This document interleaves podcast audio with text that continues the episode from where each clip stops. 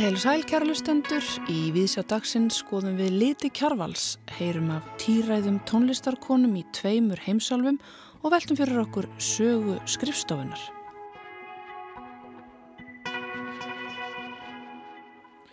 Nýtju og sjö ára gamall píanisti Ruth Sleshinga er að fara að gefa út nýja plötu hjá útgáðufyrirtækinu Dekka á næstu dögum.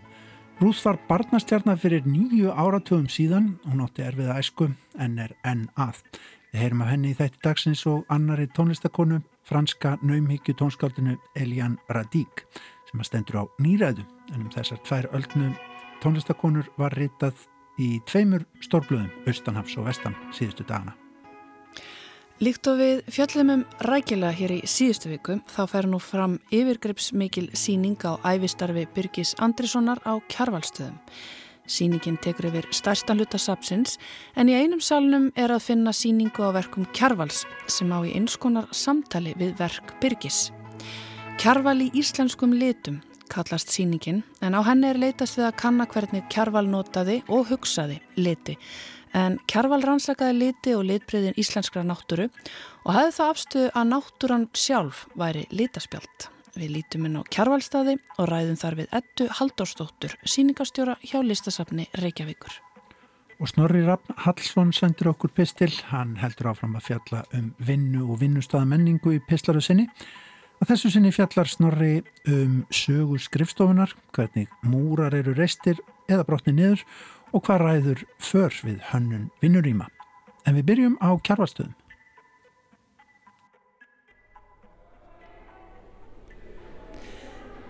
Þá er hérna komin á kjarvalstaði, ætla að líta inn í inn á síningu á verkum kjarval sem að tekur ákveðin fókus að vera að skoða litina í verkum hans. Þessi síning á að svona í rauninni tala við aðalsíningun í húsinu sem að er síningin á verkum Birgis Andrissonar Þetta Haldarsdóttir, síningarstjóri hérna, hún ætlar að segja mér betur frá því hvernig hún valdi þessar, hvernig hún valdi þessi verk saman.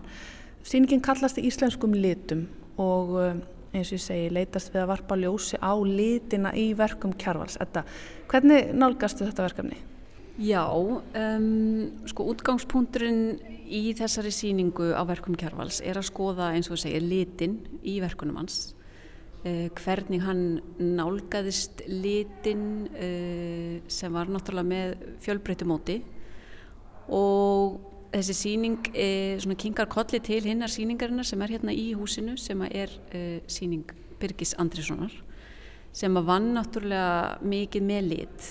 Og titill þessara síningar í íslenskum litum hann svona gefur ákveðin tón eða svona vísbendingu um þessi svona þetta að við erum að sérst að kinga kolli til Byrgis mm -hmm. vegna þess að þessi sko titill í íslenskum litum er uh, tengdur Byrgi og hans litanótkun vegna þess að hann uh, vann mikið með liti og, og skilgreindi liti sem hann notaði sem íslenska það voru vissulega bara uh, hefðbundnir litir samkvæmt alþjóðlegu lítakerfi sem kallast NCS, hann notaði það mikið en með því að sko skeita þessu uh, lýsingarorði íslenskur fyrir framann litina að þá er hann svona búin að uh, skilgrina þá og þetta voru semst litir sem að honum þótti og voru raunin gegnum gangandi í íslenskum sjónrænum menningararfi í gömlum byggingum, húsum, kirkjum og munum sem að bara hann sá á, á þjóðminnesamlinu mm -hmm. um, og það sem við gerum hér er að við tökum, við erum semst í þessu rými sem eru fjórir vekkir og hver vekkur er málaður í einum af þessum litum sem að byrgir skilgrindi sem íslenska.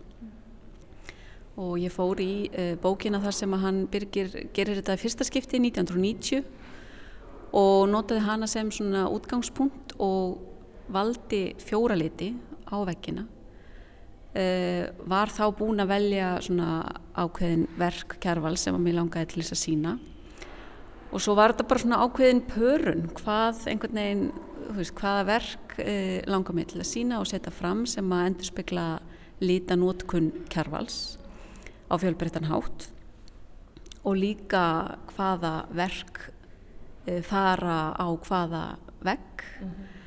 uh, og það var líka, sko, ég var búin að sjá þetta náttúrulega fyrir mér í ferlinu en síðan þegar þetta var allt saman komið inn í salin og, og, og litirnir komnir á veggina og verkin komin inn í sal þá fór þetta alveg í nokkra hringi því að það voru svona, það var svo magna hvað var einhvern veginn verkin eh, eru ólík á mismunandi bakgrunni mm -hmm. þannig að það var nokkur verk sem að kannski ég var búin að sjá fyrir mér á einum kannski dökkbláum vegg sem að síðan enduði á ljós grænum að því það einhvern veginn bara var ekkit annað sem að kom til greina þegar maður sá þetta mm -hmm. Þetta er ekki leðilegt verkefni að takast á við að fá að gramsa í safni kjærvals og, og raða eftir sínu eftir sínum hugmyndum? Nei, sannlega ekki. Og það er náttúrulega sko, kjærval á alltaf sinnsess hér á kjærvalstöðum og gerðnan eru þema tengdar síningar þar sem við erum að skoða viss, eh, vissa þætti í hans ferli og list. Og hérna var það liturinn sem að svona uh, réði ferðinni. Mm -hmm. uh, en samt já á fjölbreyttan hátt. Við sjáum uh, landslagsverk við sjáum fantasýr það eru andlit sem að spretta fram úr sömum verkana bátar, skútur og bara hrein abstraksjón þannig að eh, og allt svona endur speklar þetta já, svona hans fjölbreyttu litanótkun og svona litauðgi sem hann hérna notaði í verkunum sínum mm -hmm.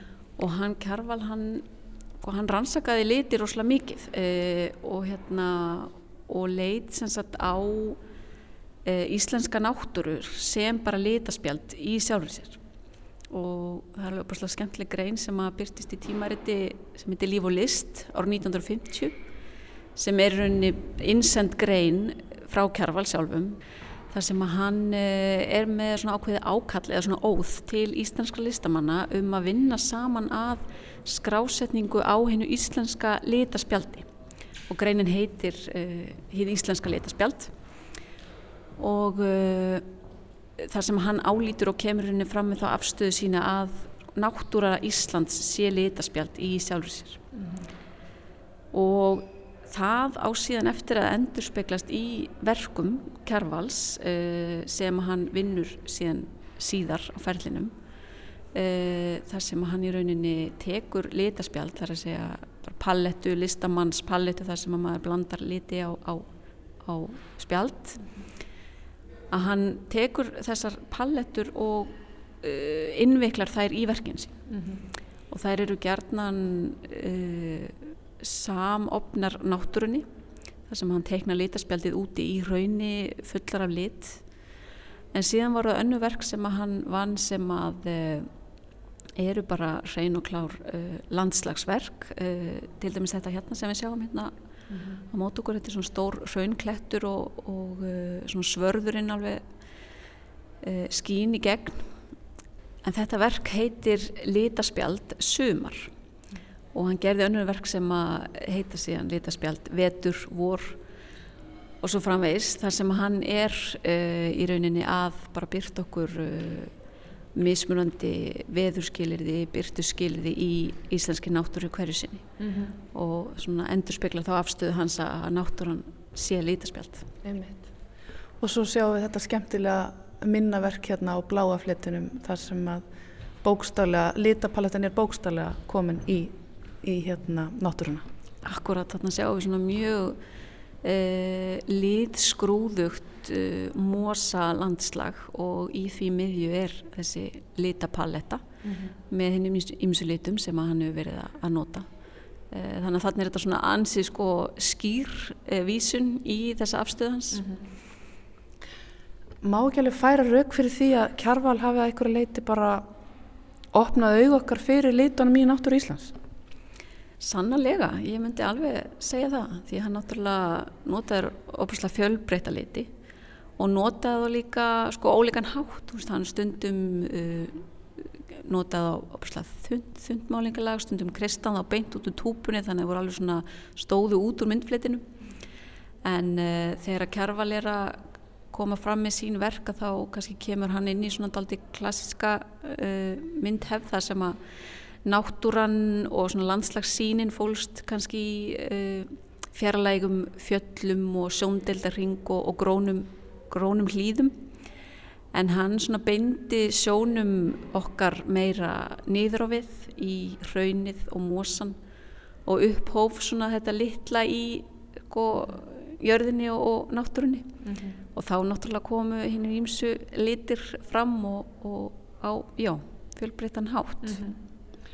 Akkurat, og svo notar hann það á líka á bara þessu hugmyndarikan hátt, hann alltaf fjarlægist raunsæð og við sjáum bara litina ólíka liti spretta á ólíkum stöðum. Sannarlega, við sjáum hérna, sko það er hérna verk sem er svona ákveðin fantasía sem er nánast, eða grunnliturinn er eiginlega bara gull.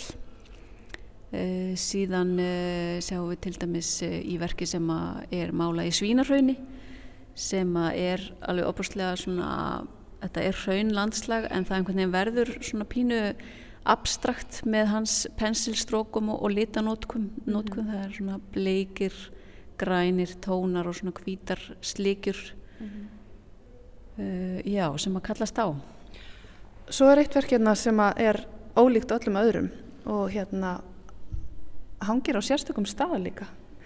Segðu mér frá þessu verki hér. Já, þetta er aldrei magnaverk og er uh, litaspjald eins og þau sem við talaðum nema hvað þetta litaspjald er ólíkt öllum öðrum litaspjaldum sem hann málaði uh, þar sem að það er algjörlega aukt, tómt. Um, og þetta er sem sé síðasta verkið sem að hann var að vinnað þegar hann laðist inn á spítala 1968 og vann ekki meir eftir það og er verk sem að stóða á trönunum, trönunum á vinnustofunans þegar hann, hann veikist. Hann að þetta er svona ansi tákgrænt verk þar sem að hans uh, lífsverki er reynilega lókið Emmitt og það er emmitt eins og litirni séu alltaf að fjara út þannig á þessu verki. Akkurat, það eru bara að dopna og fjara út. Mm -hmm.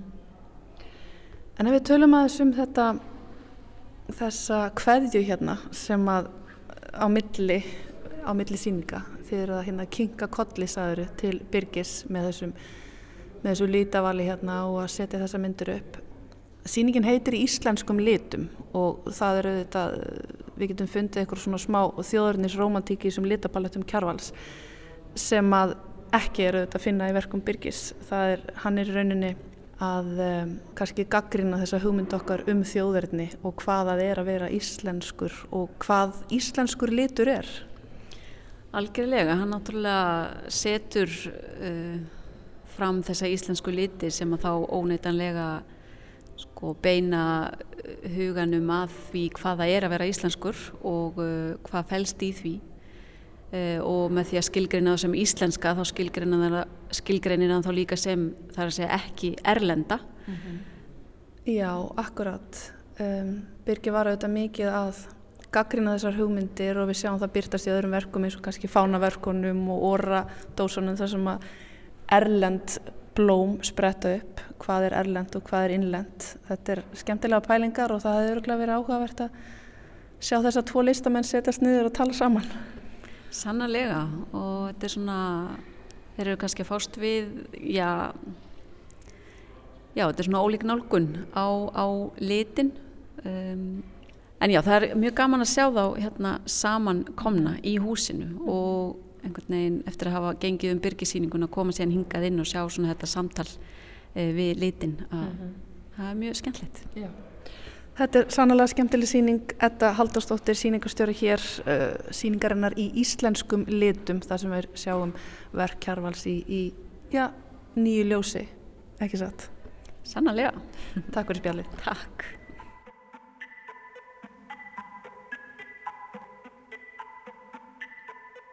Og eftir þetta innlitt höllu á Kjarvalstaði, þá fáum við pistil frá Snorra Rafni Hallsinni. Hann er búsettur í Vínaborg, hefur verið að senda okkur pistla um vinnu og vinnustadamenningu hér í Víðsjáað undanförnu og að þessu sinni þá hugar snorri að sögu skrifstofunar, hvernig múrar eru restir og brotnir niður og hvað ræður för við hönnun vinnuríma. Jú, þau hafa mikil áhrif á okkur öll.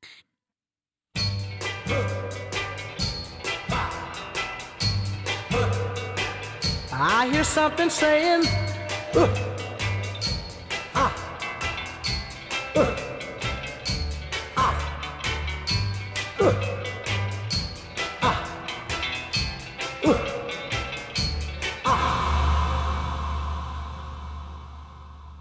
síðasta pistli gægðumst við inn í leikús framleininnar, þar sem við erum öll þáttakendur í stærstu sviðsetningu allra tíma.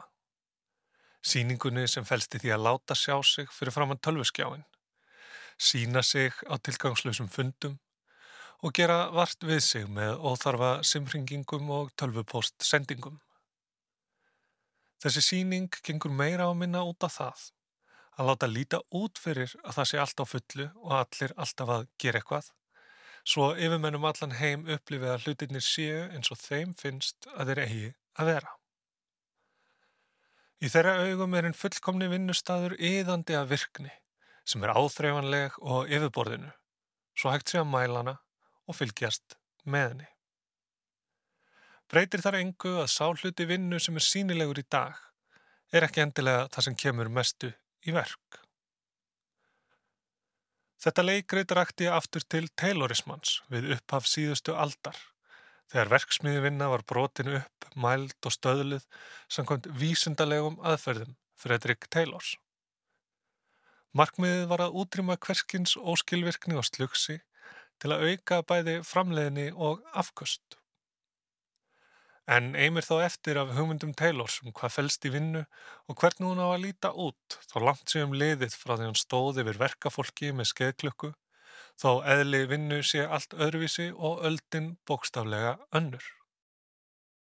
En Fredrik Taylor setti marksitt ekki bara á hugarfar yfirmanna og stjórnunar hættina sem drífa framleiðni leikritið áfram.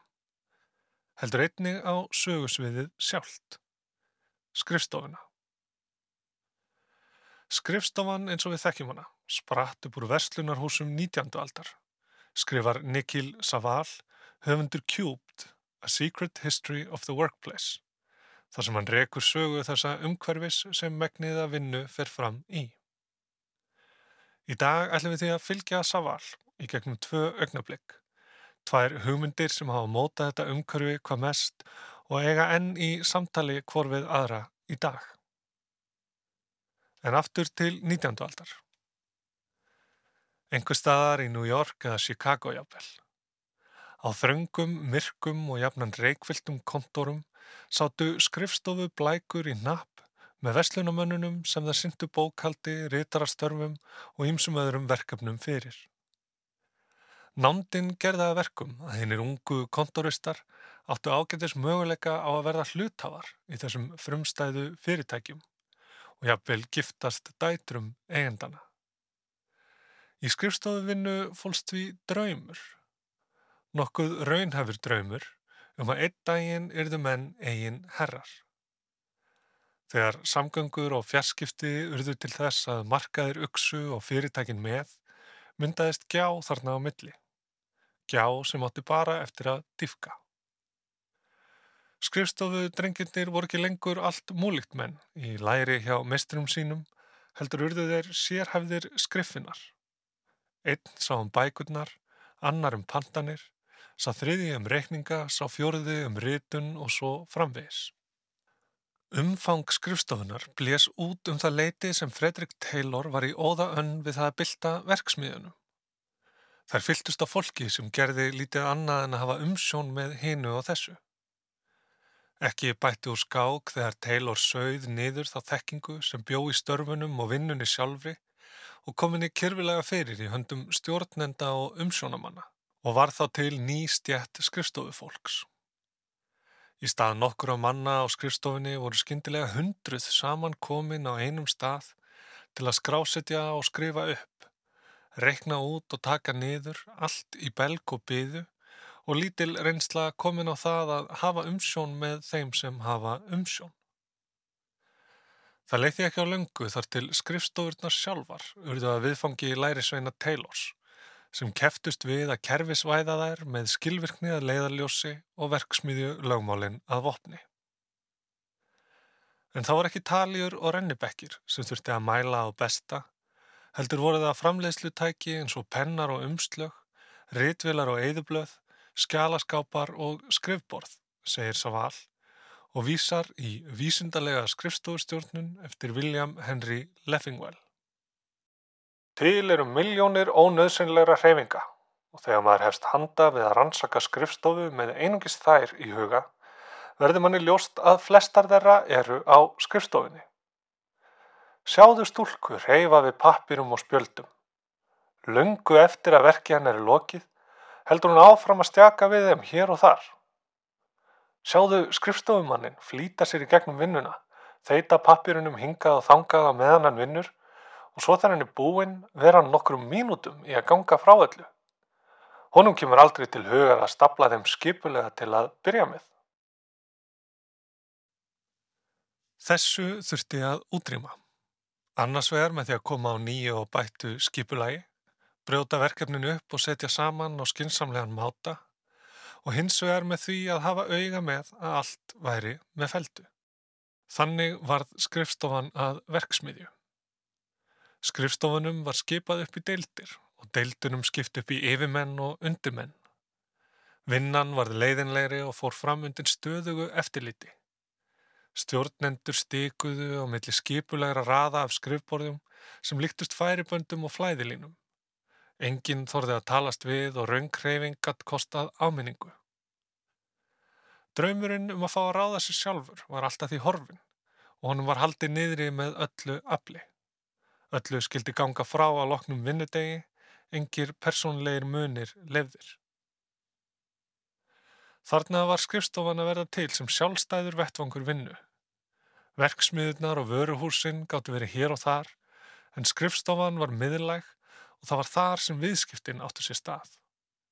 Skíakljúfa risu eins og skjálaskápar þar sem allt var á sínum stað, rá, opinn og praktísk rými fyrir þá látsettu, en stjórnendur fengur ríkulega skreittar engaskrifstofur, fjari látunum í rétvélunum og reknivélunum, sem undistrykkuðu munin á milli þeirra sem ákváðu hvernig vinnan ætti að fara fram og þeirra sem framkvæmdana. Rétt eins og munin á milli þeirra sem voru á verksmiðugólfinu og þeirra sem sátu á skrifstofunni. Möguleikarnir á að vinna sig upp og sitja einn daginn á toppnum dvínuðu og vinna hinn að nýru verkamannastjættar sem klætist hvítum skirtum en ekki bláum var orðin keimlík verksmiðuvinnu. Svona lýsir Shirley Newman færibandinu sínu hjá Connecticut General, tryggingafélaginu. Stúlkan á endanum er klerkurinn í teimin okkar. Hún opnar og flokkar postin. Svo næsta er gerarinn. Hún gerir það sem posturinn kallar á.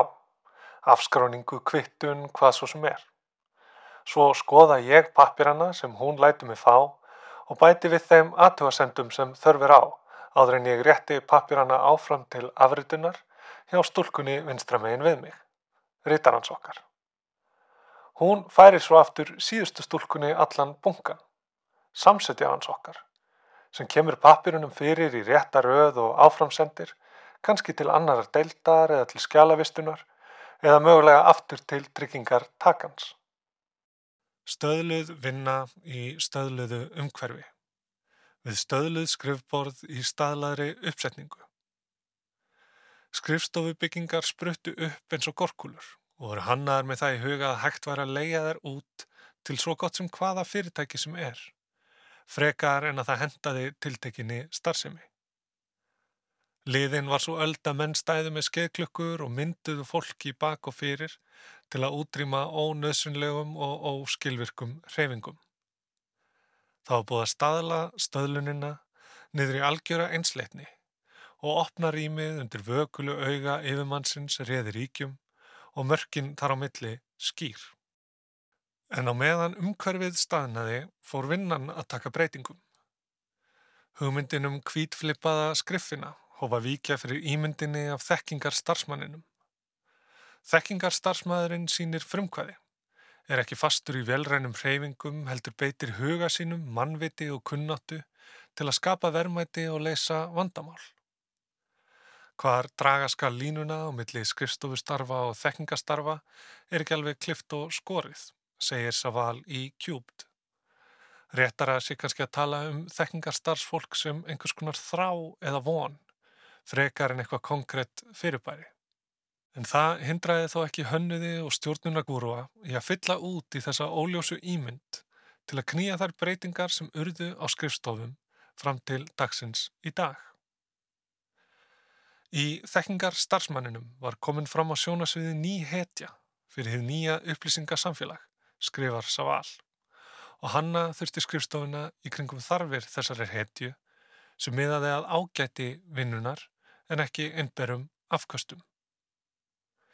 Þíska Búró Landsjáft hreyfingin brást við þessu með því að stilla skrifstofum upp á lífrætni hátt. Í klasa sem gengi var á milli, þar sem óvænt samskipti gáttu átt sér stað og yfirmenn lokuðu sér ekki af heldur voru á golfinu með öllum hinnum. Óformlegum svæðum fyrir pásur var komið fyrir og plöndur mörguður í mig af án vekja. En Robert Probst, hönnuður hjá Herman Miller húsgagnaframlegandanum, fór í allt aðra átt þegar hann einsætti sér að endur hugsa skrifstofuvinnu. Probst var upptekinn af því hvernig rými mótaði tjáningu fólks í verki og árið 1964 kynnti hann hönnun sína. Action Office. Fram að því hafði skrifstofuhönnun snúist um að halda fólki kyrru fyrir en Action Office snýrst um hreyfingu og voru allir hlutar hennar frístandandi. Í stað djúbra skuffa voru hillur þar sem allt var til sínis og við höndina. Skrifborðinu sem standamátti við var hægt að loka svo ekki þurfti að ganga frá eftir hvern einasta dag. Lítið borð á hjólum bauð upp á að setjast niður yfir kaffepotla og ræða málinn og við sérstakka fjarskiptastöð mátti eiga símtöl án þess að trubla aðra og dempa klikkið í rítverðunum.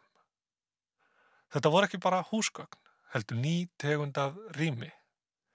Ekki verksmiðja þar sem sömu aðgerðirnar voru enduteknar í sífællu, heldur stjórnstöð þar sem allt gætt gerst. Action Office náði hins vegar engu flögi. Hún var dýr, plássfreg og framústefnuleg. Passaði ekki inn í ramman. Probst þurfti því að endur hugsa endur hugsunina og útkoman var Action Office 2. Þessi önnur útgafa var minni og samanstóða þremur veggjum sem smeltust saman í 120 gráðu horn. Hillur og krítartöflur bryttu veggina og hægt var að raða þeim upp á alls konar máta þegar breytinga var þörf eða eftir verkefnum hvers og eins. Action Office 2 sló í gegn undir lok sjönda áratögarins. Þarna var svarið komið við ómanneskjulegu færibandaskipulagi Taylors og opnum rýmum sem veittu engan frið til að hugsa eða haga hlutum eftir eigin höfði. En það sem frelsa átti huga og líkama hins nýja nútíma manns veita hverjum og einum þau fríðindi sem einungis höfðu verið í bóði fyrir stjórnendur, bara ekki úr mahóni heldur stáli og stoffi átt eftir að snúast upp í algjöra andkörfi sína. Nokkuð sem lýsingin á Action Office 2 gefur kannski vísbendingu um skrifstofu básinn. Aðrir húsgagnaframleðendur voru ekki lengi að fylgja vinsaldum Action Office 2 eftir með eigin eftirhermum. En í stað þess að vera mótular og sveianlegar, opnar með gleiðum hornum og ólík vinnusvæði, urðu vinnustöðvarnar ferkantaðar og einangrandi. Aftur raðið upp í skipulega raðir þar sem skilrúminn koma í vekk fyrir hvers konar samskipti. Húka allir yfir sínum verkefnum eins og færibandinu forðum og lífinu var útrýmt af þeim stað sem við dveljum á langtímum saman. Básinn varð að því mesta konungsríki sem skrifstofufólk gætt leift sér að dreyma um að fá loks að hengja upp mynd af börnunum sínum á korktöfluna og vera í friði frá áreiti annara starfsmanna. Og Búrólandsjáft fór sömu leið.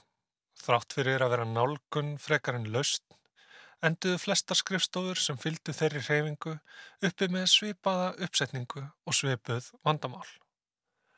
Stigveldið fann sér leið í því að yfirmenn fengu fleiri plöndur til að fela sig á bakvið og fengu að vera úti í horni.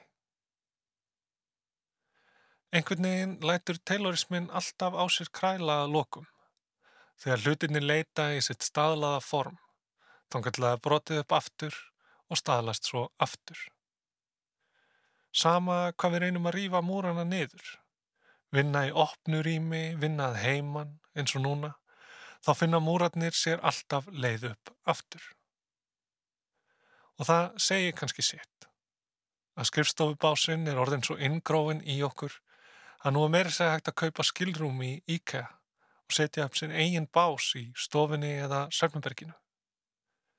Kanski er það bara þægilegast þannig.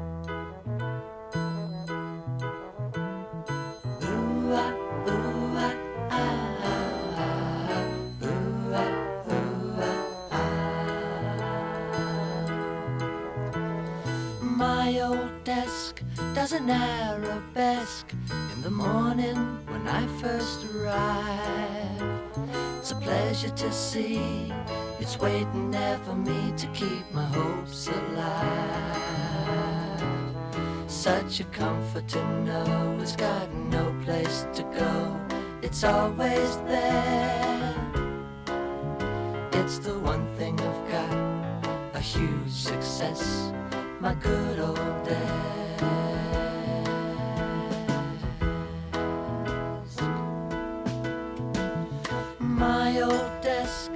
Never needs a rest, and I've never once heard it cry.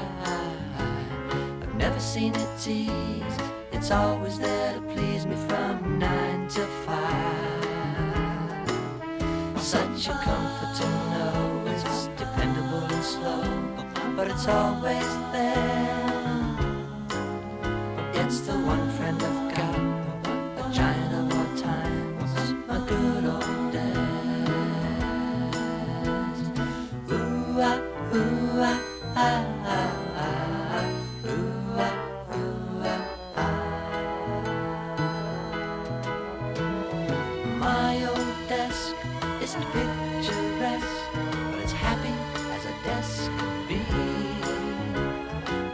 있어요.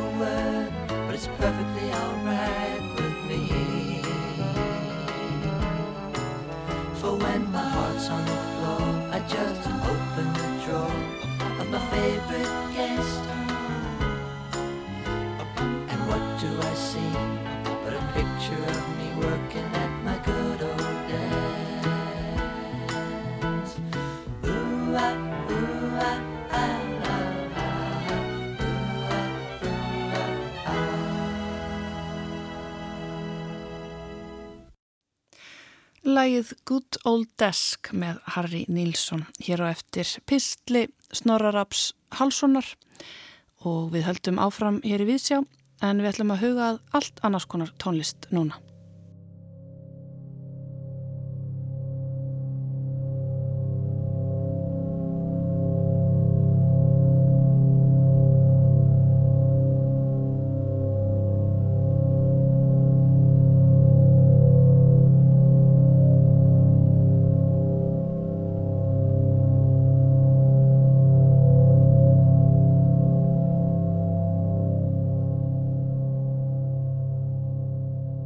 Allt er nýræðum pluss fært, ekki satt ákveð til hlustendur.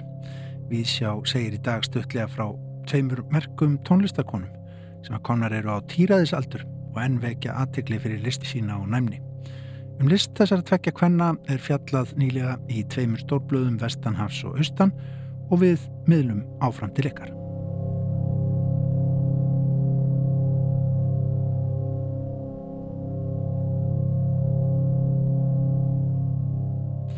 Þessi tónlist, þessi tilrunakenda naumhyggja sem hér hljómar kemur á plötu sem að koma út árið 1978 með tónlistakonu sem heitir Eliane Radic og um þetta franska tónskáld var fjallað í New York Times fyrir helgina síðustu. Verkið sem hér hljómar undir heitir Trilogie de la Mort, Þrenning döðans. Það er innblásið af bútatrú og tekur um þrjár klukkustundir í heildina.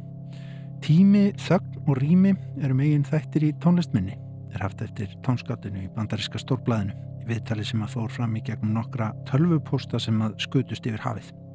Rýmið titrar hjælt Radík áfram að skrifa við liklaborðið sitt. Líkt á viðkvæmur andardráttur sem að myndar eilítinn výbring úr þögninni og framkallast sem hljóð. Já, sín Elian Radík á ein verk er finlega og frönsk finnst manni við lestur þessara orða.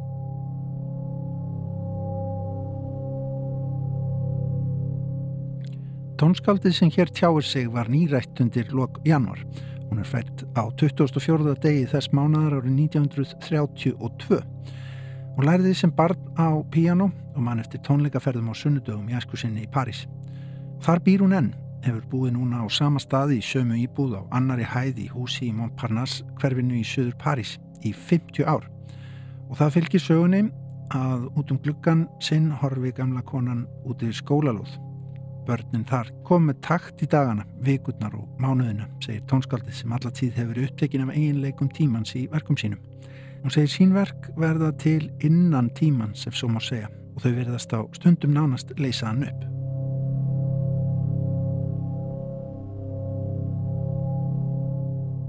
Elian Radík er minimalisti sem að lengi vel vann fyrst og fremst með elektróniska hljóðgjafa en á síðustu 20 árum eða svo hafa franski hljóðfarleikarar orðið æsbentari fyrir því að fá hana til að semja fyrir sér verk og því hefur það aukist eitthvað. Í viðtalinu við New York Times segir Radík þó að í setni tíð hafi hægst á sér og tónsmíðanum þar með. Með tilkomu hljóðkjarla og ímissa hljóðgjafa á sínum tíma dróst tónskaldið að háfaðanum sem er ekki alltaf hendug íslensk þýðing yfir það sem á ennsku kallast noise í tónlist. Miðjan sjötta áratvíin bjó hún með ungri fjölskyldu sinni næri fljóðvellinum í Nýs í Suður Fraklandi og var heitluð að því hvernig háfaðin í fljóðvílunum blandaðist daglegu lífi og því sem hún heyrði líki í útvarpinu. Eitt af því sem blandaðist fljóvilagnínum og kom úr útvarpinu voru framsækin konkrétt tónverk manns að nafni Pierre Schaffer sem meðal annars vann tónverk sín upp á háfaða frá lestum. Elian Radík áttaði sig á því að allt gatt orðið tónlist og síðar fór hún á bólakafi í tilrunamennskuna í Studio de SI í París sem að Schaffer hafi komið á stopp sem ansbyrnurhefingu miðstöð í stríðinu en var síðar tilrönu kent tónlistarstofa eftir að hernámi þjóður er laug. Þarna átti hún eftir að klippa og líma saman segulband og snúa tökkum á forláta frumgerðum af hljóðgerðlum og síðar varð uppáhalds hljóðgerðvillin hennar ARP 2500. Hún endaði reyndar á því að personu gera sinn og kalla Jules. Það var engum rödd Jules sem að snerti mig svo ríkuleg og tjáningarík, segir Radík í viðtælinu við New York Times.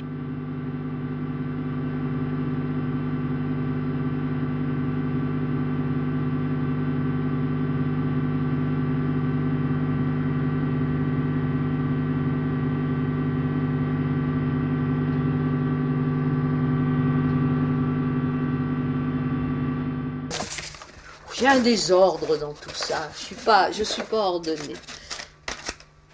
Ah ben ça, c'est le calque qui avait servi à les... Voilà. Alors voilà comment se présentait une... Voilà comment se présentait la, la partition euh, vierge. Là, euh, on pouvait tout y noter. Alors ça, ce sont les entrées de, des modulateurs à anneaux. Et les sorties, qui sont indiquées ici, vont aller par contre euh, infléchir euh, les, euh, les, les, les, systèmes de modulation de fréquence par là. Voilà. Euh, je, mets, je mets des lignes quand même aussi pour m'y retrouver. Hein. Je sais que là, ça va là, ça, ça va là, ça, ça va là. C'est le même, c'est sur la même ligne tout ça.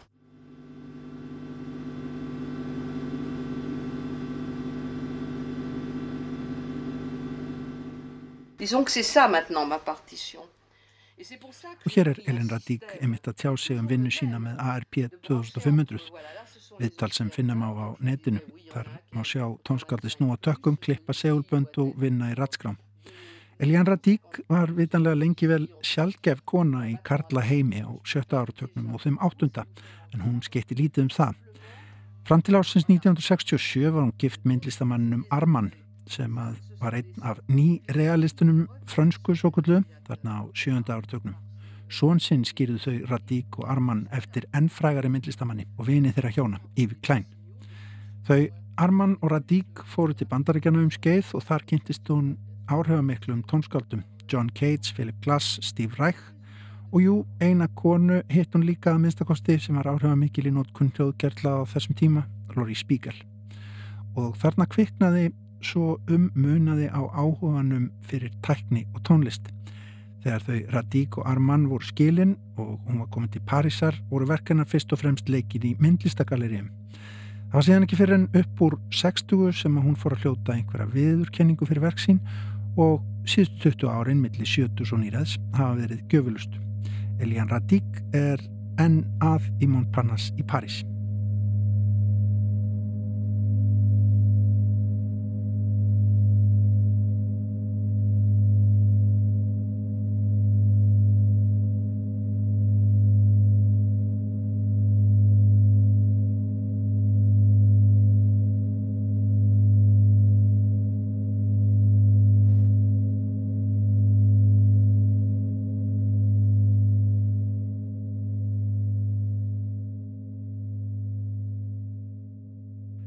Þá að annari tónlistakonu sem fjallaður um í The Guardian núna á dögunum. Kona sem er endar enn eldri en Elian Radík. Well, Ruth, how are you today? And what are you going to play for the audience? I'm going to play a minuet in G major by Beethoven. That's fine. Henni var hampað sem mestu barnastjörnu og mesta hæfileika búndi sem að framhafi komið frá því að Mozart var á hétt, hvorki meira nefnina, og hjælt fyrstu ofinberu tónleikana sína aðeins fjögur ára gömul og kom fram með fullvaksinni symfóníuljónsveit í París aðeins sjóra. Hún heitir Ruth Slensinska og á sér ríflega 90 ára langan feril sem píjónleikari því að hún er í dag 97 ára.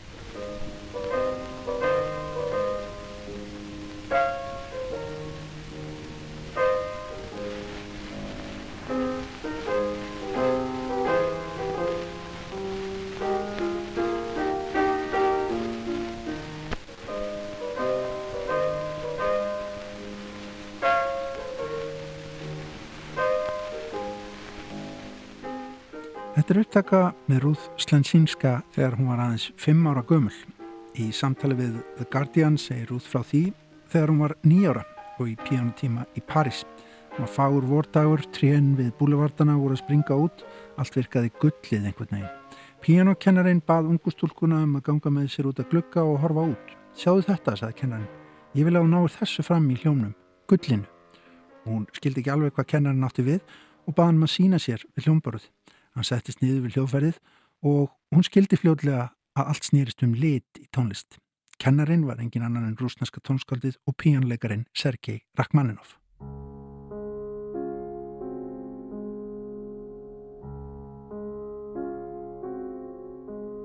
Já, Rúð Slensinska er síðasti núlefandi nefandi Rachmaninovs hún naut á sínum tíma handleyslu fleiri góðsagna úr heimi píjónleiks á 20. stöld, Artur Snabel, Jósef Hoffmann og Alfred Cortot má nefna. Það var eins og þar fadrennar Jósef Slesinski, fyrirleikari og fyrrum rektor tónlistarháskólans í Varsjá sem hafði hvað mest áhrif á hana og alls ekki endilega jákvæð. Fadurinn var harður húsbúndi ákveðin í að gera dóttu sína snillingi sem helst væri hægt að gera út eins og fiskibát. Hann var harstjóri, fyrir rest var álægið of mikið og 15 ára hætti stúlkan að koma fram á tónleikum.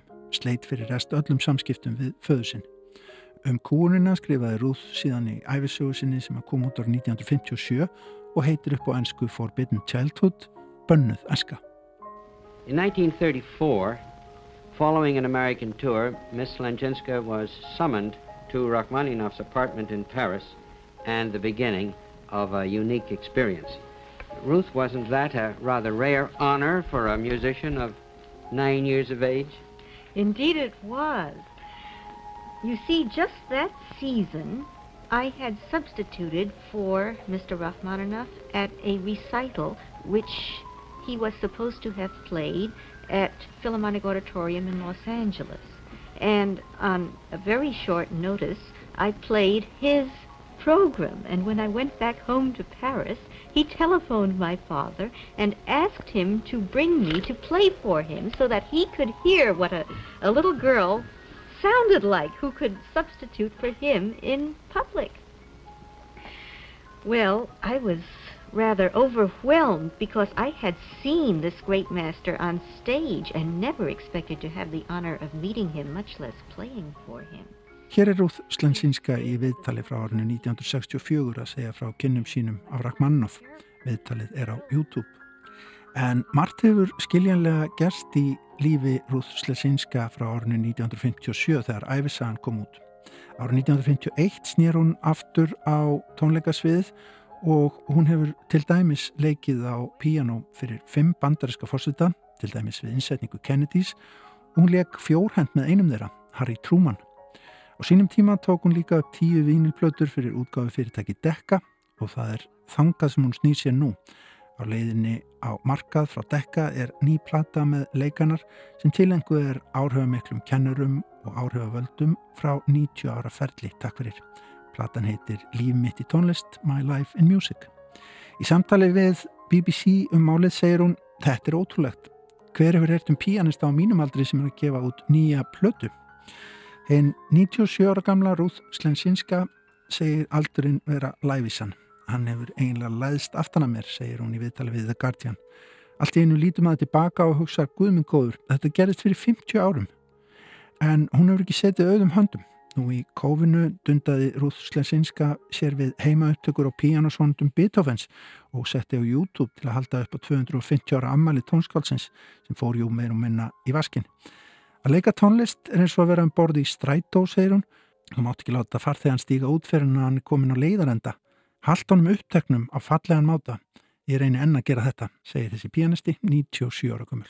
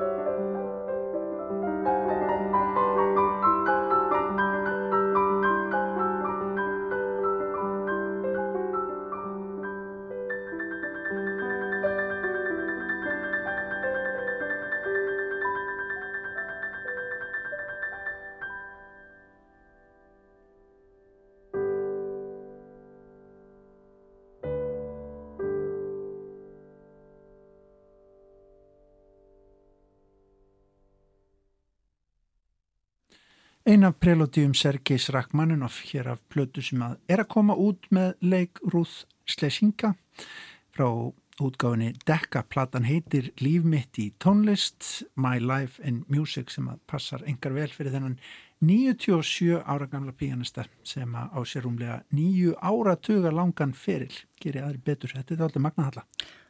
Mér finnst þetta bara algjörlega stórkoslegt að vera 97 ára og vera ennþá að spila. Já. Ég ætla að vona að ég verði allavega, já kannski bara ennþá lífi á þessum aldri en að vera að spila músík á þessum aldri það er stórkoslegt. Já, einmitt. Þetta verið slengja lífið. Eh, hún er ansið sætt á, á umslæginu, er svona sínir hendurnar eins og píanista er siður. Þessi eh, Grand Dame, bandariska, bandarisk-pólska Grand Dame, eh, Ruth Slesinga. En svo náttúrulega ljúka þættinum í dag, við erum nú samt með eitt og annað á morgun, ekki satt? Jú, við fáum leikústóm, eh, Nína Hjalmarsdóttir fór að sjá kvíla sprungur, við ætlum líka heimsækja tjarnarbíó og það er eitt og annað. Já, við finnum eitthvað til. Takk kærlega fyrir samfélgin í dag, ágættur hlustendur, verið sæl. Verið sæl.